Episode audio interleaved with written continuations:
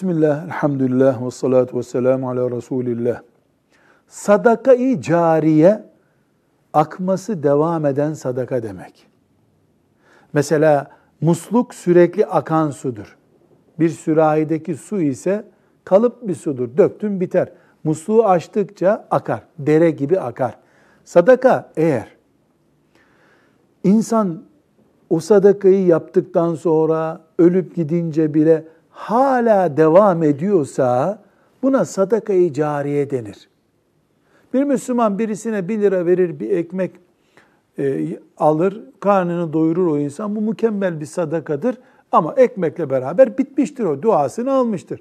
Ama bir Müslüman bir fakire bir ev yapar, o evi onu oturtur. O evde 500 sene otursa onlar 500 yıl torunlarının torunlarına kadar o insanlar o evden istifade ettiği sürece o kişinin mezarındaki sadakası da devam ediyor demektir.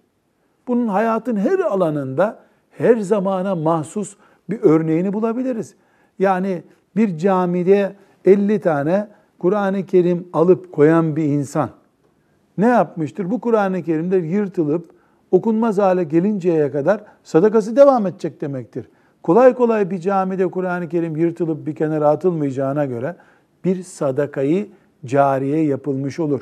Her zaman için farklı sadakayı cariye türleri olabilir.